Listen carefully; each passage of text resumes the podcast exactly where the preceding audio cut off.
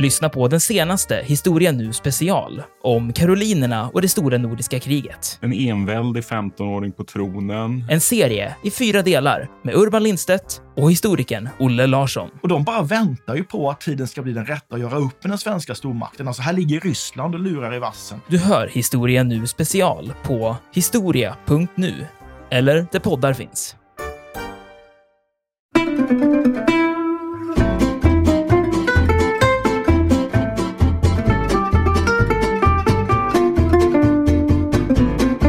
Det roliga är ju då alltså att de här Rudbeck, som ju uppenbarligen inte riktigt skötte sitt jobb, han hade dock i, då, i, sin, i sin ungdom varit på en slags vetenskaplig expedition i han var i Lappland, alltså det som vi idag ofta också kallar för Sápmi. Och han hade då en massa intressanta forskningsrön som han hade tagit med sig från den resan och skrivit, skrivit en massa intressanta grejer om lappländsk flora och fauna inte minst. Men allt det här hade gått upp i rök i samband med den stora branden i Uppsala 1702. Och det berättade han om för en unge Linné. Också då om att han hade gjort alla de här häftiga upptäckterna där uppe och att det var en stor vit fläck på kartan. Och det väckte då uppenbarligen unge Linnés intresse.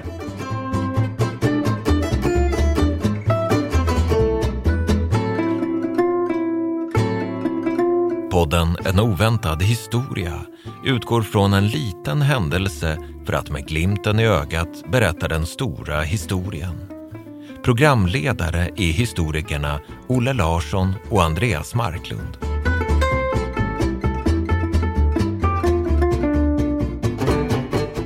Tjena Olle! Hallå Andreas! Hur står det till? Det är alldeles utmärkt. Dagens fråga Olle, har du någonsin varit i fjällen? Ja, det beror lite på hur man ser det. Jag har sett fjäll har jag gjort i verkligheten, nämligen från tågfönstret när jag var på väg till Trondheim för, för många år sedan. Och sen har jag ju faktiskt varit i Umeå.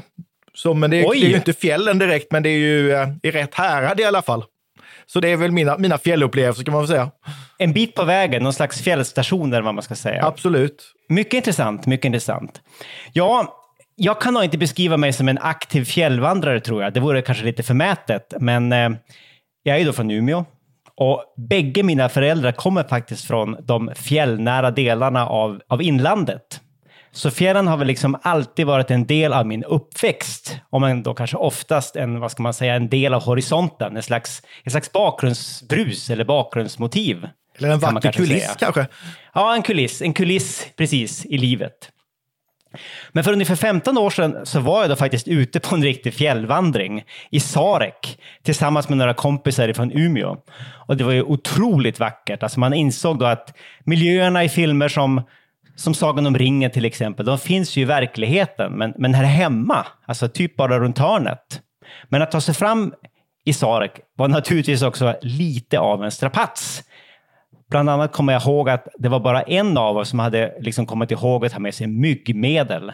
Vi hade en sån där liten, du vet, deo-liknande roll-on-grej som vi skulle dela då på, på fem fullvuxna män i fem dygn, alltså mitt under högsommaren i en, du vet, så här ändlös myrmark. Och det var knott och mygg exakt överallt. Och det är nog ingen överdrift att påstå att vi faktiskt, ja, vi blev i princip uppätna där på fjället. Alltså jag har verkligen, jag tror nästan att jag höll på att stryka med. Alltså jag fick i alla fall någon slags allergisk reaktion på grund av alla de här knottbetterna. Så min underarm svällde upp och blev tjock som fyra, fem falukorvar i alla fall. Minst. De är förfärliga de där små, små odjuren får man väl säga. Det är ju det som skrämmer bort den från naturen. I alla fall mig. Ja, men alltså, särskilt knotten. Usch! Alltså, jag, jag, hade varit med, jag hade varit med om något liknande, kan jag säga. Så det var rätt skönt att komma hem då till Umeå, till civilisationen, if I may, efter det. Alltså, vildmarken har onekligen sina fördelar. Men det är rätt mycket som sticker och som biter. Och som ja, du vet, i största allmänhet är livet besvärligt för en. I alla fall om man då är en urbota stadsbo, alltså Umebo, med i första hand, vad ska man säga, akademiska färdigheter. Idag ska vi prata om en annan akademiker, Olle, som då i början av 1700-talet genomförde en, vad ska man säga då, en ännu mer dramatisk resa genom ungefär samma, samma nejder, kan man kanske säga. Personen vi ska prata om är naturligtvis Carl von Linné. Och den resa vi ska prata om är den vetenskapliga expedition som han då, Mull Alena, företog år 1732 från lärdomsstaden Uppsala till Kvikkjokk. Där har du aldrig varit va? Där har jag aldrig varit. Nej, Men jag känner igen namnet. Brukar inte det vara med på väderleksrapporter? ja det, det är möjligt. Det, är, det är inte omöjligt att det är det faktiskt. Det finns i alla fall en väldigt fin liten fjällstation där. Och det är en Alltså, poetisk gå- klang i ordet. Ja, ja, verkligen. Alltså, absolut. Alltså, om man ska gå Kungsleden så är Kvikkjokk en av stationerna på vägen. Det är i alla fall en liten ort strax norr om Jokkmokk, som ju är ganska känt. Och det är faktiskt inte särskilt långt ifrån detta Sarek, som jag alltså kommer ihåg då med ganska skräckblandad förtjusning. Sarek är idag en, en slags nationalpark då, som är fylld av renar och glaciärer och två kilometer höga järnmalmsrostiga fjäll. Alltså det är en fantastisk plats, men också en lite, vad ska man säga, skrämmande plats på jorden. Olle, Linné har ju onekligen en del gemensamt med dig. Bland annat så var han ju både akademiker och smålänning. Därför tänker jag mig att det här poddavsnittet kommer att bli som ett slags möte då, men i historien mellan våra respektive bakgrunder. Alltså lite Småland versus Norrland, kanske man kan säga. Det låter väl som en jättebra idé. Vad bra att du tycker det.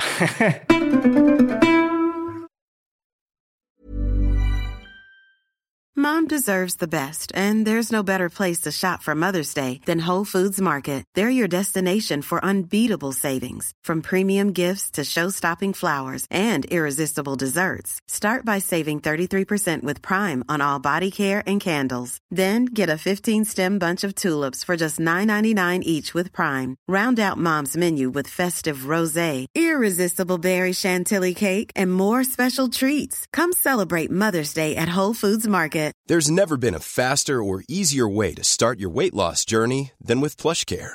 PlushCare accepts most insurance plans and gives you online access to board-certified physicians who can prescribe FDA-approved weight loss medications like Wigovi and Zepbound for those who qualify.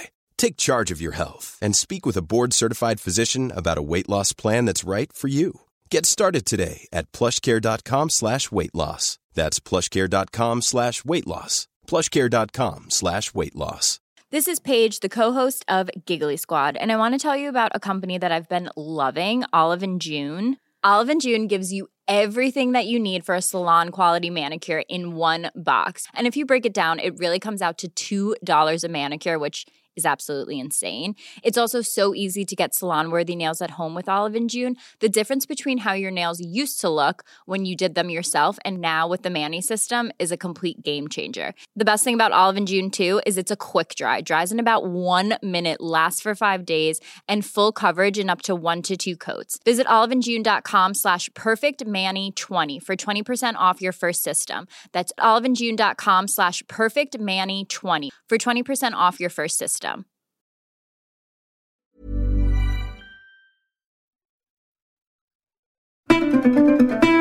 Vi kommer att återvända till den här, vad ska man säga, småländska aspekten lite senare, eftersom jag föreställer mig att du, Olle, besitter en viss expertis på det området. Men först måste vi komma i stämning.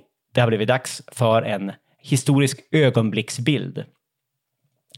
Det är den 2 juni 1732. Sverige har lämnat stormaktstiden och det karolinska enväldet bakom sig. Kanske inte helskinnat, men åtminstone vid liv. Den period vi befinner oss i kallas för frihetstiden i historieböckerna. Och det är ett ganska charmigt kapitel i den svenska historien, tycker jag. Som då bland annat kännetecknas av de alltid älskvärda hattarna och mössorna.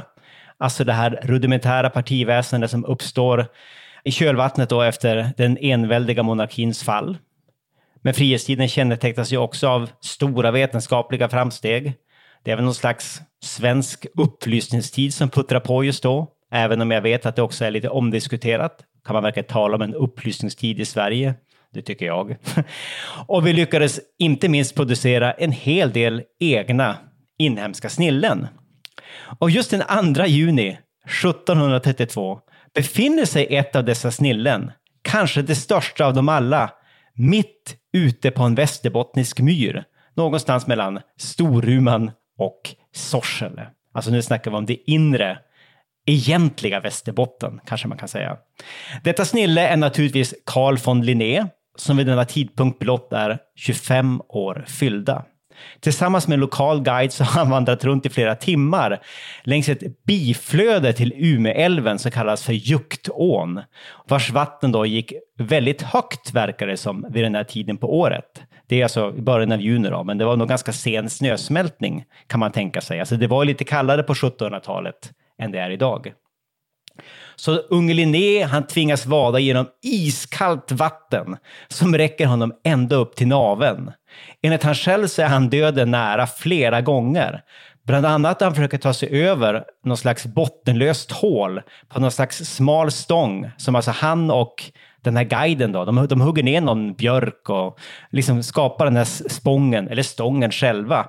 Och den sjunker hela tiden djupt, djupt, djupt ner under vattenytan då de försöker balansera sig över den här avgrunden, beskrivs det som. Medan han gör det här så har han en ganska tung packning. Hans kängor, som han just har skaffat sig i Umeå, de är fyllda med vatten och hela tiden beskriver han då i sin resejournal så kommer det in mygg från sidorna. Ständigt dessa alltså- mygg. det- Ja, verkligen. Man, man kan verkligen relatera om man har varit där uppe. Så det, och, och det man förstår är att det här är ingen toppsituation. Det är inte en optimal situation som Linné befinner sig i. Men snart lyckas då den här vägvisaren som är bevandrad här i området. Han lyckas hitta en någorlunda torr plats. Så de gör upp en eld, försöker torka kläderna. Men Linné, han är både han är iskall, fryser in i benmärgen och han är utmattad. Eller som han själv då skriver på latin, han är itenere satiat, satiatus. Alltså han är resetrött. Han blickar ut över myren och sen formulerar han då några rader i sin resejournal om den här platsen. Och det måste jag då citera. Det blir liksom cirkumfilisnerten, eller vad man ska säga, i den här stämningsbilden. Men här måste jag då komma med en förvarning, det man då kanske kallar för trigger alert eh, på modern svenska. Alltså det här citatet innehåller då L-ordet, alltså det gamla ordet för, för same, som jag vet att många människor idag finner stötande. Men det här är alltså då ett historiskt citat och det börjar nu. Hela denna lappens land var mest myr, varför jag kallade det Styx. Aldrig kan prästen så beskriva helvetet som detta är, ej värre. Aldrig har poeterna kunnat avmåla Styx så fult, där detta är ej fulare. Ja, det är vackra ord.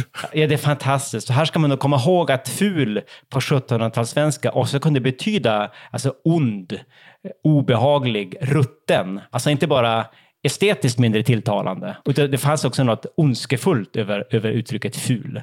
Jag tycker jag känner igen det här lite grann när Linné faktiskt i samband med sin öländska resa beskriver eh, Blå Jungfrun. Han säger att detta är den hiskligaste av alla platser. Av alla platser på världen så är denna den hiskeligaste. Så han har varit på många otäcka ställen under sina resor, helt klart. Det finns många hiskeligaste platser på världskartan enligt Linné och tror jag faktiskt så många nedgångar till helvetet. Alltså jag, om jag inte missminner mig så beskriver han också nedgången till Stora Kopparberg som självaste nedgången, självaste nedgången då till, till Dantes Inferno. Och jag tror också att Styx poppar upp där någonstans. De otäcka platserna är och legio, kan man säga. Ja, onekligen. Men alltså han avslutar den här reflektionen, alltså första gången kan man, kanske man kan säga han möter helvetet, med ett dramatiskt “Jag har vandrat genom underjorden” eller “Stygium penetravi” som han, då, som han skriver. Då. Det mesta i den här journalen är då lyckligtvis på, på svenska. Alltså det är så här härligt, mustig 1700-talssvenska. Men här och där så slänger Linné in ganska ganska långa då, latinska fraser. Och framförallt, det, det är min spaning, det verkar framförallt vara när han ska vara lite grov i käften. Som om det är någon slags kodspråk som bara är för vissa läsare. Det är liksom bara vissa läsare som fattar hur upprörd, eller vad man ska säga, han faktiskt blir ibland.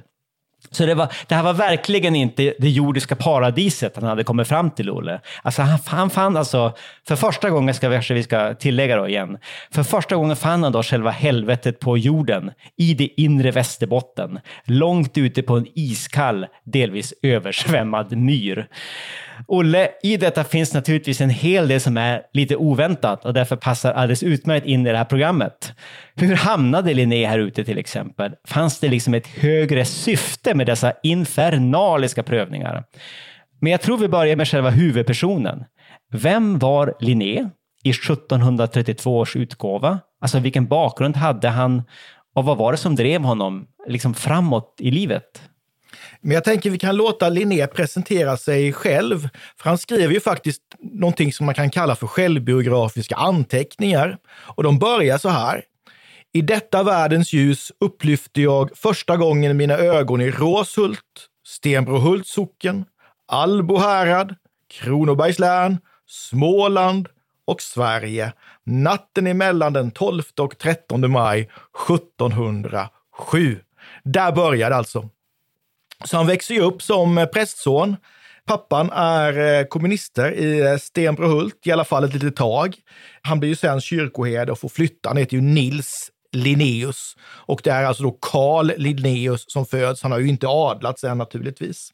Och om han tyckte illa om, om fjällvärlden så tyckte han nog desto bättre om Småland faktiskt. För han har här en väldigt fin skildring när han beskriver hur det såg ut på den plats där han växte upp och det är onekligen en pastoral idyll som framskymtar. Han kallar Stenbrohult som för en av de täckaste orter som Sverige framalstrat. Ty hon ligger vid den ansenliga sjön Möcken, där han går in med en fjärdedels mils lång vik. De släta åkerfälten omgivar denna kyrka på alla sidor, utom i den västra, där Möcken utsträcker det klara vattnet. Så han trivs ganska bra, i alla fall i Stenbrohult får man väl säga. Men åren går. Eh, han, eh, han visar väl upp intressen för botanik redan här. Pappan lär honom tydligen en hel del. Prästerna var ju oftast då eh, intresserade av, av alltså växter och trädgårdar och så även då Nils Linnaeus. Och här någonstans bestämmer man sig för att det är klart pojken ska gå i pappas fotspår. Pojken måste ju bli präst. Ja, är det inte mamman som tycker det? Jo, mamman vill absolut det och, och, pappan är ju positivt inställd till detta. Man får ju lite intryck av att den dominanta personen i den här familjen, det är nog Kristina Brodesoni, alltså mamma Carl von Linné. Mamma prästfru. Mamma prästfru, precis. Men då är det så att skolan i Växjö står ju inte färdigbyggd än. Man håller på att bygga för fullt. Det här är ju mitt under det brinnande stora nordiska kriget.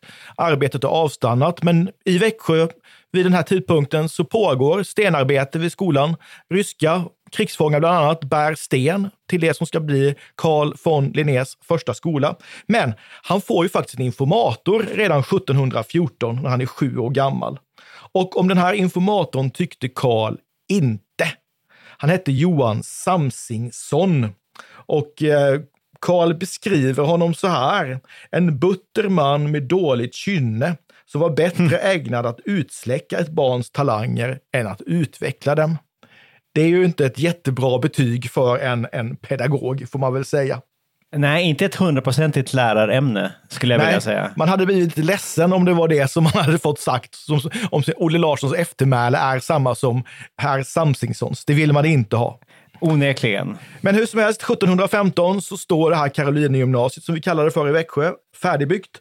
Och den 10 maj 1716 skrivs en elev vid namn Carl Linnaeus in i Växjö skola.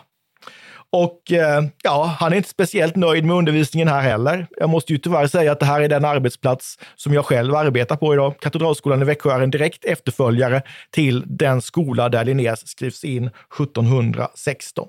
Ska man säga aj då? Aj då kan man säga. Så här säger han om sina lärare. Att det var rude lärare som i lika rude metod gåvo barnen håg för vetenskaper att håren måste resas på deras, hu deras huvuden. Alltså, det, det, här var inte riktigt hans, hans grej, får man ju säga. Och det går ju inte så bra för honom eh, med studierna. Det sägs ju då att vid ett tillfälle så kommer ju eh, pappa Linnaeus på besök till skolan och han får då prata med, med lärarna som säger att det här går inte. Alltså på ren svenska, pojken är dum i huvudet. Alltså det här det går inte, han kan aldrig bli präst. Det vore mycket bättre att ni liksom avbröt hans studier och lät honom skaffa sig ett hedligt yrke. Han kanske skulle kunna bli skomakare till exempel. Men Eh, rektorn Daniel Danerus har ändå lite, lite, lite hopp om det här. Han säger att men om han inte kan bli präst så kanske han kan bli läkare. Så han kopplar ihop honom med eh, lektorn i logik och fysik, som också är provinsialläkare, som heter Johan Rotman. Och han ser den här botaniska begåvningen hos sin unga elev. Och eh, det här blir oerhört viktigt för honom, för Karl. Han får ju låna modern vetenskaplig litteratur av Rotman. Och det här han kommer faktiskt i, i kontakt med det som han blir känd för, nämligen sitt eh, sexualsystem. Ja, just det. Ja. Och det här, det här tycker jag är rätt roligt, för det var ju inte alla på den här tiden som uppskattade det här med sexualsystemet. Det är ju tydligen någon professor i botanik, om det är i Greifswald tror jag, som heter Sigesbeck, som säger att blommorna ska ha sexualitet. Det är något alldeles oerhört obehagligt. Detta avskyvärda horeri kallar, kallar han det för.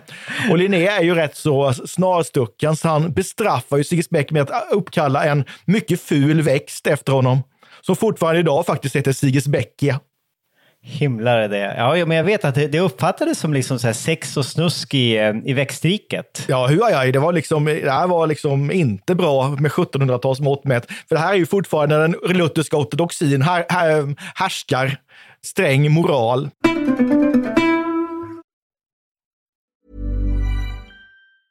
A lot can happen in three years, like a chatbot may be your new best friend. But what won't change? Needing health insurance. United Healthcare Tri Term Medical Plans, underwritten by Golden Rule Insurance Company, offer flexible, budget friendly coverage that lasts nearly three years in some states. Learn more at uh1.com. Quality sleep is essential. That's why the Sleep Number Smart Bed is designed for your ever evolving sleep needs. Need a bed that's firmer or softer on either side? Helps you sleep at a comfortable temperature? Sleep Number Smart Beds let you individualize your comfort so you sleep better together. JD Power ranks Sleep Number number 1 in customer satisfaction with mattresses purchased in-store. And now, save 50% on the Sleep Number limited edition Smart Bed for a limited time. For JD Power 2023 award information, visit jdpower.com/awards. Only at a Sleep Number store or sleepnumber.com.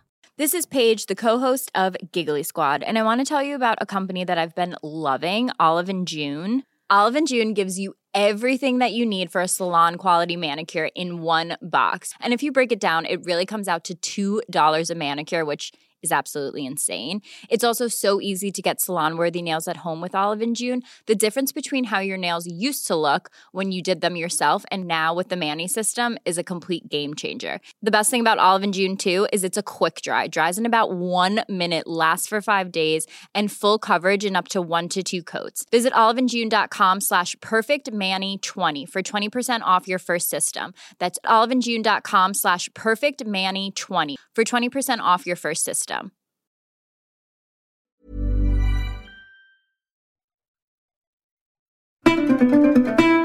Men han eh, tillbringar sina år där i skolan. Han är ganska, ganska länge i Växjö faktiskt. Det dröjer ju ända fram till 1727 innan han lämnar Växjö och beger sig då till Lund vid universitetet där. Och tanken är att han ska bli läkare som sagt då.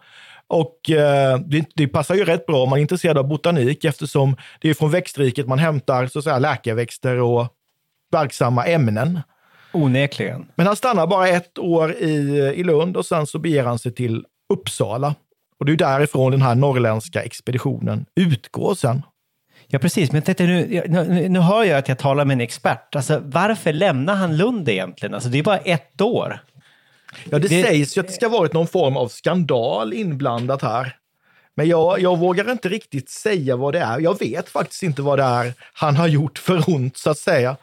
Men han skriver, ju, han skriver själv någonstans att han begick någon slags fåt, alltså fel, som av elaka människor omilt uttyddes. Så, så, så, det verkar som att han kanske har ställt till med någonting. Alltså han verkar, det verkar som att han kanske hade, hade ganska lätt för att bli liksom ovän med folk. Ibland. Han kan ju kanske ha ställt till på någonting med, i fyllan och villan som inte var så där vansinnigt ja. bra. Nej. Det har ju hänt folk, folk tidigt före Linné. Vi hade ju en biskop i Växjö som hette, faktiskt han som låg bakom byggandet av eh, Karolinagymnasiet. Han blev religerad från Uppsala 1667 för han hade varit full i samband med diskningsmarknaden. Okay, så... Men det gick bra för honom ändå, så att säga. Men kanske en, en dum studentikos fyllegrej kanske? Det helt kanske enkelt, var så enkelt? Helt enkelt så enkelt. Men eh, det skapade ju historia, får man säga. För när han kommer till Uppsala så kommer han i kontakt med Olof Rudbeck den yngre, som ju då är sonen till den äldre Rudbeck, Olof Rudbeck, som vi också har pratat om här. Alltså han var ju mannen bakom, vad ska man säga, den den fulländade goticismen, eller vad man ska säga, klassiska 1600-talsgoticismen, alltså mannen bakom Atlantikan. Det här är hans son då, som eh, Linné blir student hos han är professor i medicin, den här yngre Rudbeck, men en ganska ointresserad, trött och frånvarande professor som ganska snabbt inser att han kan använda Linné som någon slags vikarie. Alltså Linné är ju ganska kvick student, så han får överta delar av undervisningen. Jag till och med flytta hem till Rudbeck och blir informator, alltså någon slags här huslärare åt professorns barn. Det var ju ganska vanligt. Precis, det var vanligt extraknäck på den tiden. Och det roliga är ju då, alltså att de här Rudbeck, som ju uppenbarligen inte riktigt skötte sitt jobb. Han hade dock i, då, i, sin, i sin ungdom varit på en slags vetenskaplig expedition i, han var i Lappland, alltså det som idag ofta också kallas för Sápmi. Och han hade då en massa intressanta forskningsrön som han hade tagit med sig från den resan och skrivit, skrivit en massa intressanta grejer om lappländsk flora och fauna inte minst. Men allt det här hade gått upp i rök i samband med den stora branden i Uppsala 1702. Och det berättade han om för en unge Linné. Också då om att han hade gjort alla de här häftiga upptäckterna där uppe och att det var en stor vit fläck på kartan. Och det väckte då uppenbarligen unge Linnés intresse som eh, 1731 hörde av sig till då den Kungliga Vetenskapssocieteten i Uppsala och bad om ekonomiskt stöd, alltså finansiering av en vetenskaplig expedition uppåt landet så att säga. Och han listade då hela 18 goda skäl till varför den här expeditionen var nödvändig. Det var en vit fläck på kartan och det enda man visste om det här hade ju då bokstavligt talat gått upp i rök, alltså Rudbecks avhandling om, om Lappland. Och det fanns väldigt mycket som borde undersökas menar han. Det var fåglar, det var insekter, det var däggdjur, det var växter, inte minst naturligtvis, men också surbrunnar och mineraler och mediciner. Och själva ursprungsbefolkningen, samerna, som Linné var väldigt intresserad av. Så Linné han beviljades faktiskt ett, ett forskningsanslag, eller vad man ska kalla det för, alltså 400 daler kopparmynt, vilket är ungefär som jag förstått det 20-25 000 kronor i nutidens penningvärde. Och han begav sig iväg den 15 maj 1732 till häst från Uppsala då med kosan styrd mot Lappland och fjällen. Men vad var syftet med det här egentligen, Olle? Alltså varför fick då Linné eh, ett ganska fint stipendium? Han fick ganska mycket betalt då för att ge sig ut på den här strapatsrika färden. Det var ju inte en ren nöjesresa. Det här ligger ju precis i tiden egentligen. Det här är ju merkantilismens förlovade tidevarv. Det är också den begynnande svenska upplysningen där nyckelordet är nytta. Så Linné är ju ganska mycket ett barn av sin tid får man säga. Han är ju upplysningen i Sverige bärs ju väldigt mycket, i mångt och mycket upp av, av prästerskapet och Linné har ju den, den bakgrunden. Och det här handlar ju helt enkelt om att den här resan ska vara nyttig. Det handlar om att inventera. Vad finns det för någonting som man kan använda sig av? Tillgång till, på skog, eh, mineraler, malm. Finns det mycket fisk i sjöar och floder? Alltså det är helt enkelt ett sätt att, vad ska man säga, kartlägga nyttigheter till statens fromma skulle jag säga. Ja, det, är jättebra uttryckt. Nyttigheter till statens fromma. Nej, men det är precis det. Alltså, det är någon slags inventering av, vad ska man säga, landets resurser, landets rikedomar. Och det är ju en del av en, eh, en bredare tendens som du var inne på, merkantilismen och upplysningstiden och sådär. Det skickades ut mängder av sådana här expeditioner och en massa lantmätare började också skickas ut, alltså över hela Europa för att undersöka vad som fanns i respektive land av, av resurser, alltså både naturresurser och det man då idag skulle kalla för humankapital, alltså människor. Och sen i Sverige så handlar det då också om att eh, alltså ekonomin var körd i botten efter stora nordiska kriget. Så det fanns ett desperat behov av att identifiera nya tillgångar. Alltså både mineraler som järnmalm, guld och silver, men naturligtvis också nya åkermarker som kunde liksom, eller nya marker som kunde uppodlas och bli till skattehemman och sånt där. Och nyckelorden i merkantilismen är ju egentligen att vi ska exportera så mycket som möjligt och importera så lite som möjligt. Och då är det ju bra att veta vad som finns. Exakt, exakt. Och det är bra att ha mycket ädelmetaller också. Ädelmetaller är mycket bra om man är merkantilist. Buljonism Kanske annars också. Buljonism. Ju mer ädelmetall, desto rikare stat. Exakt, så det, det fanns definitivt ett ekonomiskt incitament.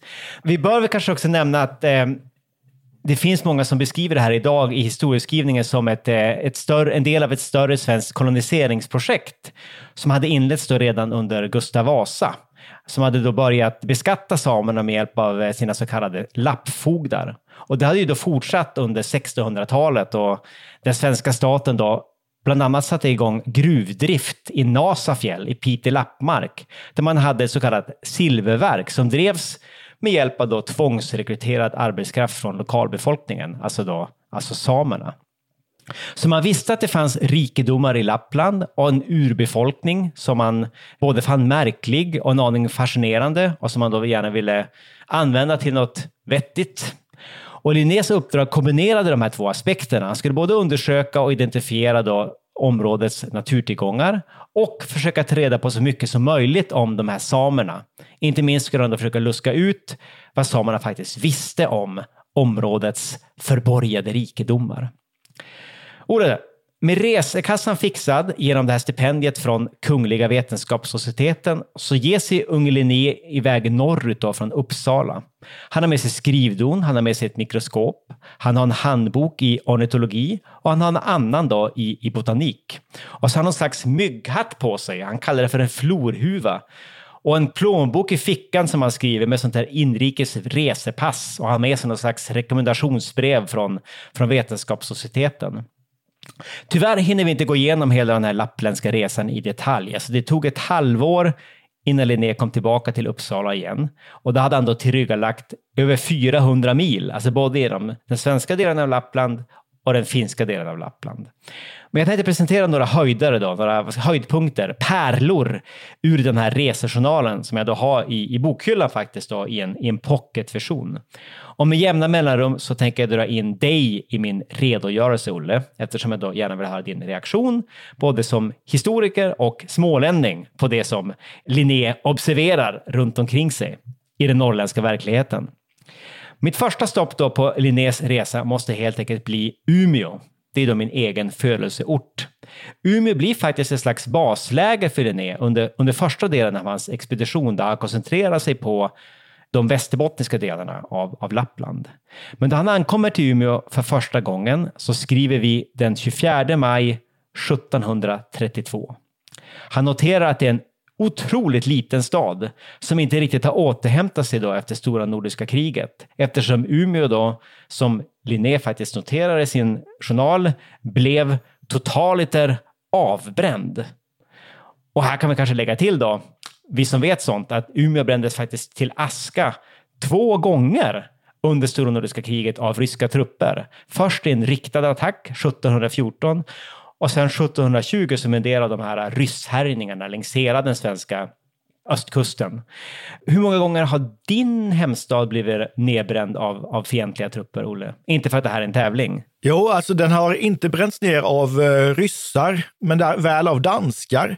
Och det var på den tiden Oskarshamn inte fanns, utan var en uh, Lydköping under Kalmar som då hette Döderhultsvik och den avbrändes av gjuten, som det står, sommaren 1677, alltså under skånska kriget. Så en gång.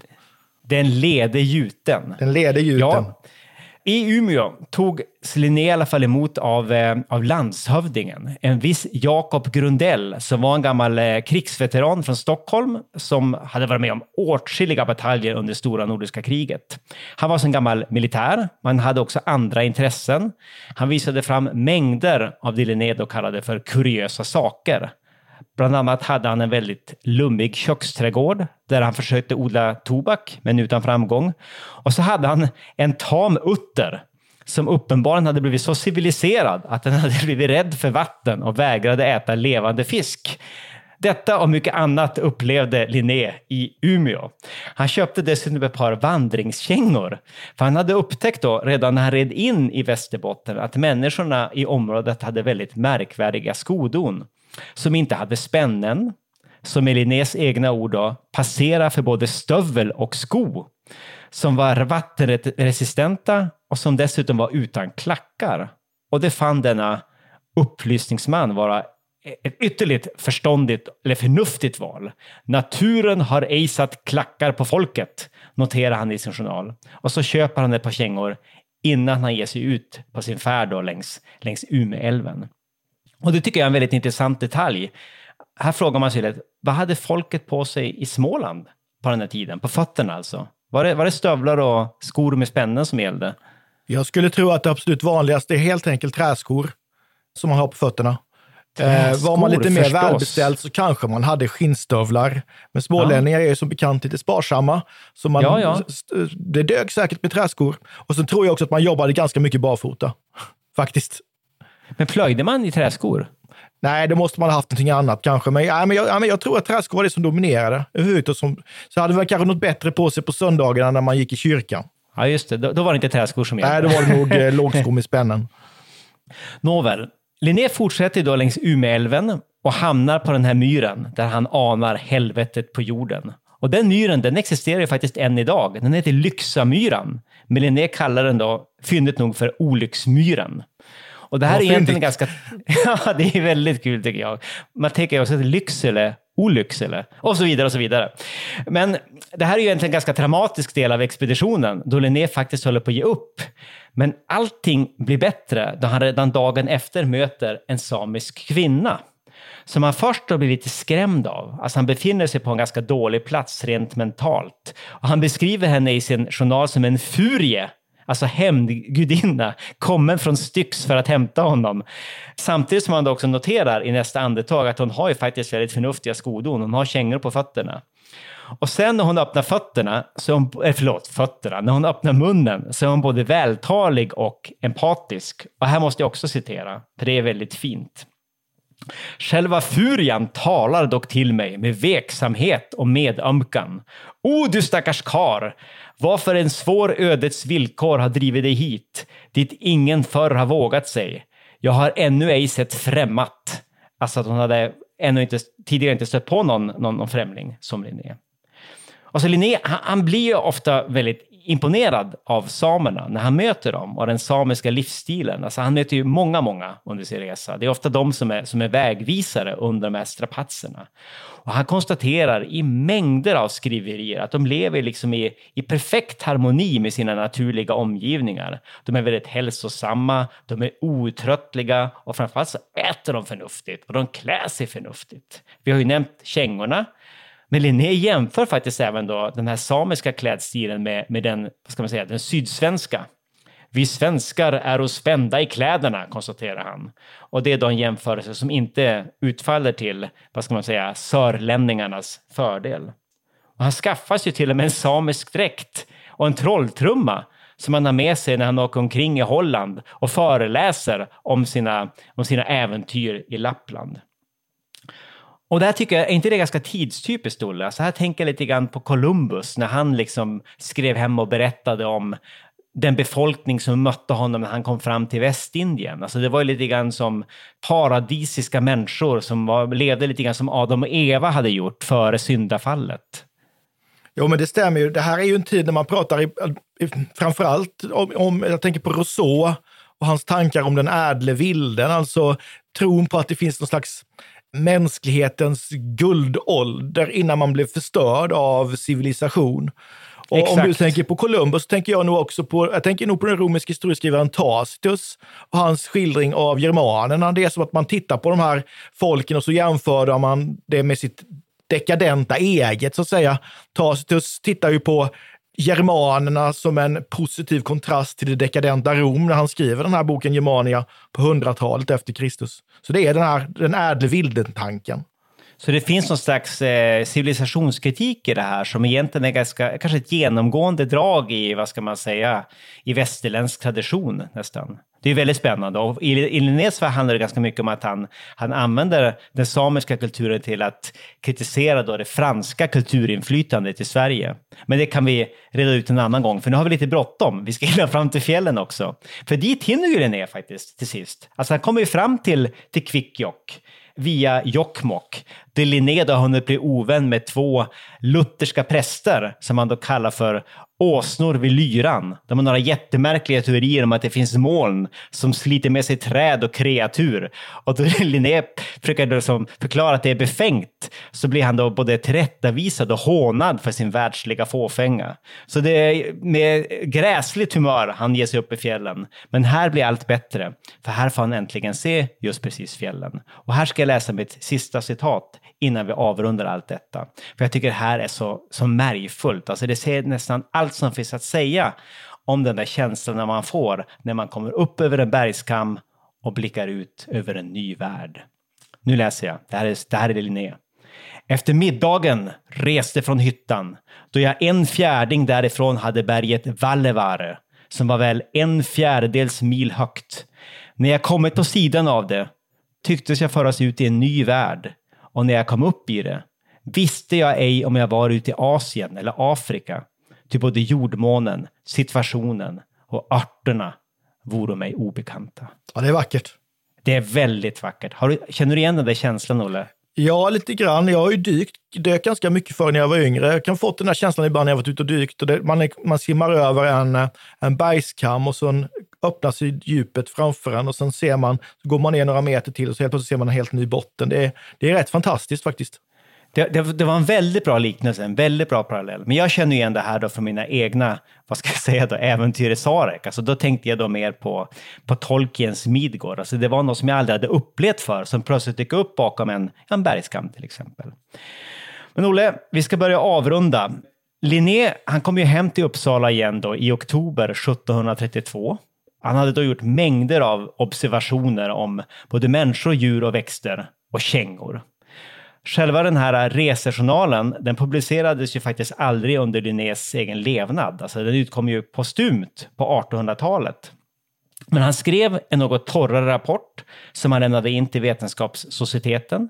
Dessutom kom redigerade delar av journalen med i den här Flora Laponica om växtriket i Norrland som blev en del av hans, vad ska man säga, vetenskapliga genombrott. Men jag måste fråga dig, varför fick Linné aldrig till någon liknande skildring av Småland? Alltså han reste ju över hela Sverige och skrev en jättemustig reseskildring om Skåne till exempel. Varför kom det aldrig någon Smålandsresa? Jag tror helt enkelt att han aldrig fick tid till det. Han skrev ju lite grann om Småland, men det är ju i samband med, med andra resor han gör, till exempel ner till Skåne eller till, till Öland. Och han beklagar ju detta och jag kan ju avsluta med att citera honom igen.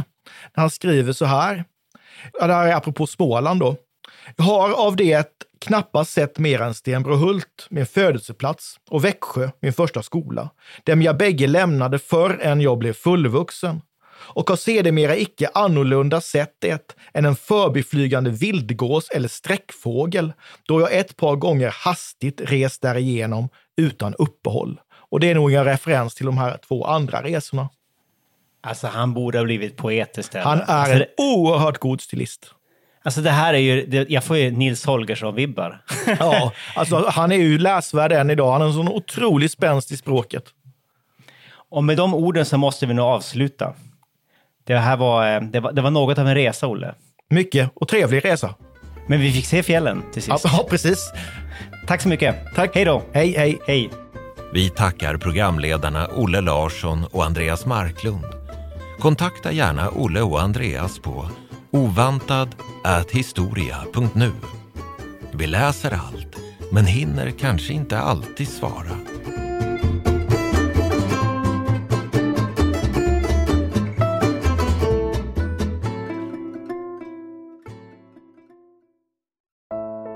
Iran har under 1900-talet genomgått tre omvälvande revolutioner som orienterat landet antingen mot västerlandets modell eller mot en auktoritär styrelseform.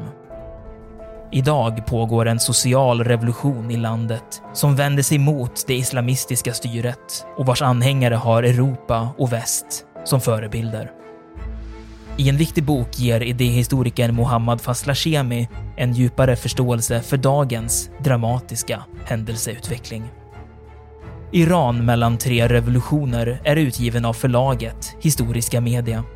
Beställ den fysiska boken på förlagets hemsida historiskamedia.se eller köp den i en bokhandel nära dig.